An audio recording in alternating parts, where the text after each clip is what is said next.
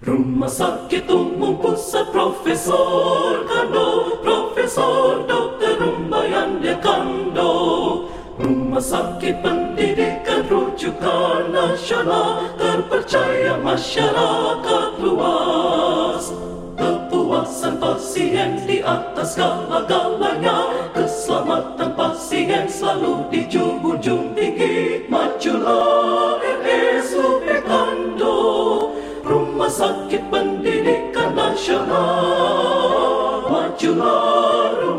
Sakit Kando Rumah Sakit Pilihan Masyarakat. Majulah RSUP Kando Rumah Sakit Pendidikan Nasional. Majulah Rumah Sakit Kando Rumah Sakit Pilihan Masyarakat. Halo sahabat Prokes di mana pun Anda berada Jumpa lagi dengan saya Dr. Seklin dalam acara Prokes Bercerita Sebuah diskusi santai mengenai topik-topik kesehatan di lingkungan RSUP Profesor Dr. RD Kando Manado Topik kita kali ini adalah mengenai manifestasi neurologi akibat infeksi COVID-19 Dan bersama-sama dengan kita saat ini sudah hadir seorang narasumber yang sangat uh, qualified, sangat berkompeten untuk bisa mendiskusikan mengenai manifestasi neurologi atau manifestasi infeksi COVID-19 pada susunan sistem saraf manusia. Izinkan kami memperkenalkan dengan penuh hormat Dr. Arthur Mawuntu, spesialis saraf konsultan. Selamat siang, Dok. Selamat siang. Bagaimana, Dok? Sehat-sehat selalu, Dok ya? Sehat, puji Tuhan sehat. Tetap semangat kalau sibuk, Dok ya. Terima kasih. Dr. Arthur Mauntu, spesialis saraf konsultan, saat ini dipercaya sebagai koordinator divisi neuroinfeksi pada organisasi Perhimpunan Dokter Spesialis Saraf Indonesia cabang Manado. Di samping itu, beliau saat ini juga dipercaya sebagai ketua program studi neurologi atau ilmu penyakit saraf di bagian neurologi Fakultas Kedokteran Universitas Samratulangi. Di samping itu, Dr. Arthur juga banyak dipercaya dalam hal beberapa jabatan di lingkungan internal RSUP Profesor Dr. RD Kando Manado. Tanpa perlu berlama-lama lagi, maka kami akan memulaikan diskusi ini dengan satu pertanyaan yang eh, sederhana, dok, mengenai apa sih maksudnya adanya gangguan sistem saraf akibat infeksi COVID ini, dok? Bagaimana kita menjelaskan ini kepada masyarakat? Silakan. Baik, terima kasih. Jadi ini merupakan isu yang cukup menarik ya Dr. Seklin bahwa kita melihat di awal mereka berpikir bahwa coronavirus disease 2019 atau yang kita kenal dengan COVID-19 ini itu awalnya menyerang paru-paru, Saluran nafas. saluran nafas. Kemudian ternyata dalam perkembangannya pasien-pasien tersebut ternyata tidak hanya memberikan gejala gangguan nafas, tetapi juga memberikan gejala-gejala lain-lain.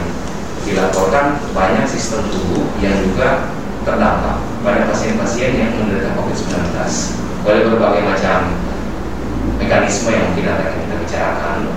Intinya terjadi semacam gejala-gejala yang timbul pada pasien COVID-19 yang terkait dengan gangguan pada susunan saraf. Jadi kurang lebih bisa kita katakan bahwa manifestasi klinis COVID-19 pada sistem saraf itulah eh, aspek eh, COVID-19 pada sistem saraf. Jadi memang dok boleh dikatakan dengan kata lain eh, infeksi COVID-19 ini tidak semata-mata hanya menyerang satu organ atau satu satu sistem saja dok ya. Tapi dalam hal ini juga dia bisa mempengaruhi eh, susunan sistem saraf manusia dok ya. Ya, Ya. Dok kemudian eh, pertanyaan lanjut dari kami yang biasanya eh, ditanyakan juga adalah seberapa sering sih dok ini terjadi pada manusia? ya baik. Jadi memang data ini kalau yang dipublish ya, yang belakangan ini mungkin pasti datanya jumlahnya sudah lebih banyak karena mungkin pelaporannya juga sudah lebih baik. Iya. Kemudian juga ada diagnosis yang lebih baik ya. Tetapi pada saat awal-awal saya teringat pada saat kita pertama kali mendapatkan laporan tentang COVID-19 ini dari Wuhan ya, itu dilaporkan bahwa manifestasi atau gejala gambaran klinis dari uh, COVID-19 ini di sistem saraf ini dibagi ada tiga persepsi. Jadi yang pertama pada susunan saraf pusat, Susunan saraf. kemudian susunan saraf tepi, dan kemudian pada uh, otot dan uh, ya istilahnya muskul sistem muskuloskeletal ya. Nah, yang cukup banyak yang paling banyak dilaporkan dari tiga ini adalah pada susunan saraf pusat. Jadi pada kelompok pasien di Wuhan saat itu dilaporkan sekitar 25 persenan, 24,8 persen sekian. Kemudian selanjutnya yang di susunan saraf tepi ada sekitar 898 sampai 9 persen dan tidak terlalu beda jauh dengan itu pada otot waktu itu dilaporkan sekitar 10 persen. Mungkin kita melihat uh, dari penelitian-penelitian yang lain datanya itu mungkin akan sedikit berbeda ya. Tetapi intinya adalah kita melihat bahwa manifestasi pada susunan saraf pusat itu ternyata cukup banyak dilaporkan. Sekitar 25 persen dari keseluruhan Iya, betul. total pasien dok. Ya, memang eh, berarti memang cukup banyak juga ditemukan. Itu sekitar kalau pasien lah, seperempat Se- dari iya. jumlah pasien. seperempat dari jumlah pasien akan mengalami manifestasi di susunan saraf pusat. Belum lagi dengan eh, susunan saraf perifer dan Ya. sistem otot, dok ya. Jadi eh, lumayan sering dan ini sangat mungkin sangat mengganggu, dok ya, Ya. pasien-pasien. Kemudian dok, eh, pertanyaan selanjutnya kira-kira yang ingin diketahui oleh masyarakat, bagaimana sih dok infeksi COVID ini sampai akhirnya bisa katakanlah hinggap di susunan saraf pusat ini bagaimana dok ceritanya? Oke. Dok. Jadi ini pertanyaan yang juga tentu ditanyakan oleh para peneliti, klinisi dan lain-lain. Dan sampai saat ini sebagian dari jawaban itu sudah dibuktikan dan sebagian masih berupa dugaan yang masih perlu dibuktikan lebih lanjut. Iya. Yang pertama tentu yang paling sering kita temukan kalau mungkin kita lihat ternyata yang menarik adalah bukan infeksi. Jadi COVID-19 ini yang paling sering itu bukan infeksi dari COVID-19 itu kemudian menginfeksi misalnya jaringan otak. Jadi yang kita temukan paling banyak bukan itu. Tapi ternyata yang kita temukan adalah yang paling banyak COVID-19 ini menyebabkan serangkaian perubahan pada kekentalan darah, kemudian juga respons peradangan yang berlebihan, yang kemudian akan mengakibatkan pasien-pasien ini mengalami gejala susunan saraf, misalnya mengalami stroke karena pengentalan darah. Kemudian juga ada juga yang misalnya mengalami gangguan akibat yang kita sebut sebagai gangguan imunologi. Jadi gangguan sistem kekebalan tubuh. Ya. Jadi setelah misalnya tubuh itu membuat semacam perlawanan terhadap infeksi COVID, virus SARS-CoV-2 yang menyebabkan COVID-19, maka bisa saja suatu saat antibodi yang terbentuk untuk melawan si SARS-CoV-2 ini dia salah mengenal eh, susunan eh, protein di susunan saraf pusat sebagai musuh. Jadi dianggap sebagai virus SARS-CoV-2 sehingga kemudian diserang. Nah ini akan memberikan manifestasi eh, saraf juga ya. Nah ini kita sebut sebagai jalur yang lewat jalur imunologi. Istilah kerennya ini sindrom parainfeksiosa ya. Jadi dia tidak disebabkan langsung infeksi tapi efek eh, imunologi yang terkait dengan infeksi. Kemudian selanjutnya, nah ini yang terakhir ini yang sampai saat ini juga masih menarik untuk kita buktikan bahwa si virus SARS-CoV-2 itu secara primer, secara langsung memiliki kecenderungan atau memiliki ketertarikan terhadap sel-sel yang ada di susunan saraf, misalnya di otak. Nah ini yang sampai sekarang masih terus kita upayakan untuk dibuktikan bahwa eh, ini betul-betul bisa terjadi. Laporannya masih sangat sedikit. Cipri, ya. Iya. Jadi intinya yang perlu kita pahami di sini bahwa ya eh, COVID-19 bisa mengakibatkan gangguan pada sistem saraf. Yang paling banyak mekanisme yang terjadi berhubungan dengan gangguan pengentalan darah dan juga akibat dari peradangan yang berlebihan. Kemudian juga ada penyebab-penyebab lain yang masih tidak terlalu banyak dan perlu dibuktikan lebih lanjut. Ya, kalau berarti ada semacam mekanisme antara ya, Ya, infeksi primer eh, Ya. COVID-19 kemudian ada satu eh, proses yang dilewati, kemudian dia sampai ke susunan saraf pusat begitu dok Ya. Dok, em, kira-kira dok, apakah ada karakteristik individu atau apakah ada eh, sesuatu yang membuat peluang ini untuk terjadinya gangguan sistem saraf pusat ini menjadi lebih besar pada individu-individu tertentu? Ya, jadi ya kita tahu ya, mungkin kalau berkaca dari temuan mengenai manifestasi gejala Ya. atau gambaran klinis pasien-pasien di misalnya di saluran nafas, kita melihat bahwa ada golongan-golongan tertentu yang kalau dia terinfeksi eh, COVID-19 akan mengakibatkan gejala yang lebih berat. Contoh misalnya pasien dengan asma. Asma, ya. Ya, itu kan biasanya eh, manifestasi klinis infeksi COVID-19-nya itu secara umum lebih berat. Lebih berat, ya. Nah, di susunan saraf pusat biasanya yang jadi masalah itu adalah pasien yang sudah punya faktor risiko untuk terjadinya eh, kejadian misalnya stroke. Jadi pasien yang dengan tensi, Tensi. diabetes, ya seperti itu. Nah itu biasanya orang yang akan lebih berisiko untuk mengalami gejala eh, neurologis, gejala saraf akibat COVID-19. Ya, berarti memang ya faktor-faktor risiko yang memperbesar Iya. peluang terjadinya gejala eh, sistem saraf ini dok ya. Betul. Ya. Dok, kalau bicara mengenai gejala dari yang dokter ketahui, gejala yang mana dok yang paling sering didapatkan? Artinya gejala pada sistem saraf yang bagaimana yang sering dikeluhkan oleh pasien? Ya, jadi ada banyak sih dokter Seprin, tetapi tentu ada gejala yang sifatnya ringan dan juga ada gejala yang sifatnya berat. Gejala berat yang paling sering kita temui sampai saat ini Iya. adalah stroke. Ya, Hmm. jadi pasien yang datang eh, bahkan setelah mengalami COVID-19, jadi sudah dinyatakan sembuh dari COVID-19, kemudian datang dengan eh, kelemahan tubuh sesisi yang sifatnya mendadak Iya. atau bahkan dalam perawatan dia juga sudah mengalami. Ya. Kemudian selanjutnya mungkin yang mulai sering kita temukan adalah keluhan yang terkait dengan nyeri. Iya. Jadi pasien-pasien yang saat eh, apa namanya mengalami COVID-19 dia membutuhkan nyeri baik nyeri kepala maupun nyeri yang bukan dari nyeri kepala. Iya. Kemudian juga bahkan mulai terasa setelah eh, tetap terasa setelah dia dinyatakan sembuh dari Sembuh dari COVID-19. dua itu. Kemudian selanjutnya ada eh, fenomena lain yaitu yang kita sebut sebagai brain fog. Ya. Jadi pasien itu merasa eh, berpikirannya jadi lebih lambat, ya seperti itu. Ya itu mungkin berkaitan dengan kekurangan oksigen yang terjadi selama eh, ter- terinfeksi COVID-19. Ya. Kemudian selanjutnya selain itu ada juga gejala-gejala yang mungkin tidak terlalu berat, tetapi banyak dilaporkan, ya, yaitu gangguan pada eh, menghidup.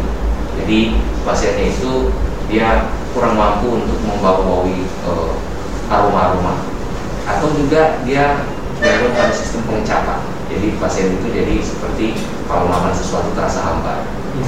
Kemudian juga mulai banyak dilaporkan adalah gejala di mana pasien itu merasa ujung-ujung jari tangan dan kakinya itu seperti lain, seperti kebas, Kebas. ya. Nah itu biasanya gejala-gejala yang masih dalam masuk kategori ringan. Yang paling berat yang tadi ya seperti stroke, ya. ada lagi penuh kesadaran, ya. Tapi kalau yang ringan-ringan yang seperti saya sebutkan terakhir, kira lebih seperti itu. Dok, menarik sekali dok. Bahkan gejala-gejala ini yang cukup banyak variasinya tadi dok ya. Bahkan itu bisa terjadi setelah dinyatakan sembuh dok. Betul. Jadi ini yang jadi namanya ya kita orang bilang yang namanya COVID ini seluruh dunia mulai sama-sama di bab satu, gitu ya. Jadi awalnya yang dipikirkan ini sifatnya pasti berat, ini yang pasti menginfeksi eh, paru-paru. Ya dua tahun kemudian banyak perubahan. Jadi kita sudah tidak melihat lagi apa yang kita temukan di awal itu itu sebagai eh, hal yang akan kita temui setiap hari. Ya. Jadi sudah banyak perubahan. Bukan berarti yang Hmm. pertama itu salah, tetapi karena belum diteliti lebih dalam. Lebih dalam ya. Nah, oleh karena itu setelah kita teliti lebih dalam, ternyata aftermath atau efek sisa dari COVID-19 itu tidak selesai dengan kita menyatakan bahwa virusnya sudah tidak ada lagi di badan. Ya. Nah, Jadi sama seperti istilahnya ada negara A berperang dengan negara B, walaupun akhirnya pada satu saat misalnya si peperangan itu berakhir ya tetapi gejala kerusakan akibat peperangan Hmm. itu itu tidak semuanya bisa dikembalikan seperti sedia kala. Iya. Nah, itu yang kita sebut sebagai gejala sisa atau sequelae. Ada juga yang ternyata karena semacam sudah ada gangguan yang walaupun tidak langsung ya, misalnya eh, terjadi peningkatan eh, kentalan darah, ada yang mengalami misalnya fenomena imuno- imunologi, sehingga dia akan mengalami penyakit, termasuk dia penyakit susunan saraf, bahkan setelah dia sembuh atau Dinyatakan dinyatakan sembuh. sembuh dari COVID-19.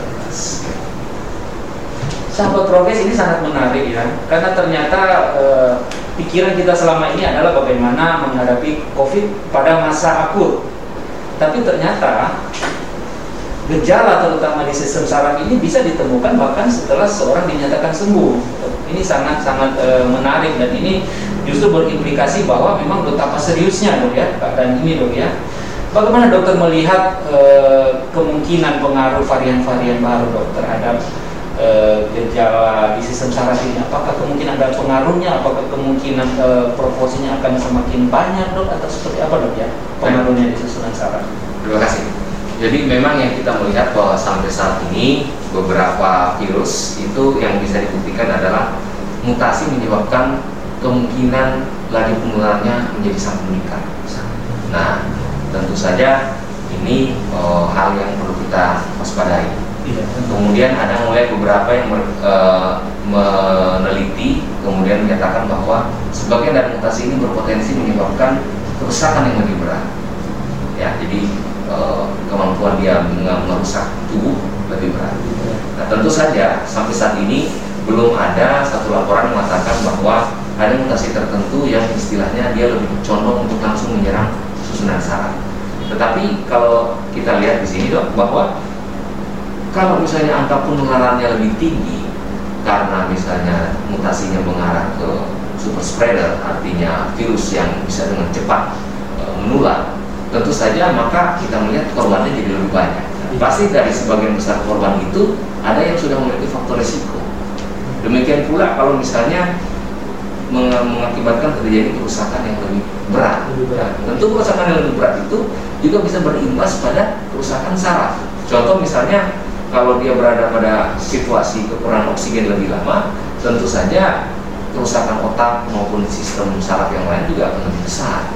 Jadi saya pikir walaupun belum dibuktikan bahwa mutasi ini ada yang secara primer merusak eh, sistem saraf, ya, tetapi intinya kalau dia daya daya tularnya lebih tinggi dan daya rusaknya lebih besar, maka pasti akan berimbas pada sistem saraf itu. Iya, sangat menarik dok penjelasannya dok. Eh, ini kemungkinan pertanyaan terakhir dok. Setelah kita mengetahui eh, banyak sekali kemungkinan gejala yang muncul akibat kerusakan sistem saraf ini, bagaimana dok? Adakah obatnya khusus untuk eh, keadaan-keadaan seperti ini? Baik, jadi ada beberapa obat-obatan yang kita gunakan untuk membuat misalnya kalau dia mengalami peningkatan kental darah, maka kita bisa berikan obat untuk mengendalikan kekentalan darahnya. Kemudian juga seperti ada satu penelitian besar yang dilakukan di Eropa, mereka menemukan ada faedah dari pemberian eh, steroid, ya, dexamethasone, untuk mengurangi eh, keparahan efek dari eh, virus tersebut. Kemudian selanjutnya kita melihat memang ada beberapa antivirus yang memang tidak semuanya bisa dikatakan efektif, tetapi untuk eh, stadium-stadium lebih berat bisa diberikan ke pasien. Nah, jadi protokolnya sebenarnya tidak terlalu berbeda dengan eh, protokol penanganan COVID secara COVID-19 secara umum. Iya. Nah, bagaimana untuk eh, kalau yang khusus untuk gejala saraf? Biasanya yang kita gunakan di situ adalah obat-obat untuk mengurangi gejalanya. Misalnya kita berikan obat-obat kalau misalnya yang merasa kebas di tangan dan kaki, kita bisa bisa berikan obat-obat untuk mengurangi gejala itu. Demikian juga dengan nyeri dan nyeri kepala. Seperti itu. Sahabat Prongkes di mana pun Anda berada, sangat menarik dan sangat bermanfaat apa yang barusan dibagi oleh Dr. Arthur Mawuntus, spesialis saraf konsultan. Untuk itu, mengakhiri pertemuan ini, kami persilakan Dr. Arthur Mawuntus, spesialis saraf konsultan, Mungkin ada closing statement atau pesan kepada masyarakat awam terkait dengan pandemi COVID-19 ini. Silakan dok. Baik, terima kasih sahabat Promkes. Kita belakangan ini mulai banyak melihat tentang adanya gelombang kedua COVID-19 di dunia yang sepertinya memakan lebih banyak korban dibandingkan yang pertama. Ini semua terjadi karena kemungkinan paling utama adalah karena kita mulai mengabaikan protokol kesehatan. Oleh karena itu, pada kesempatan ini saya tetap mengajak para sahabat prokes untuk tetap melaksanakan protokol kesehatan.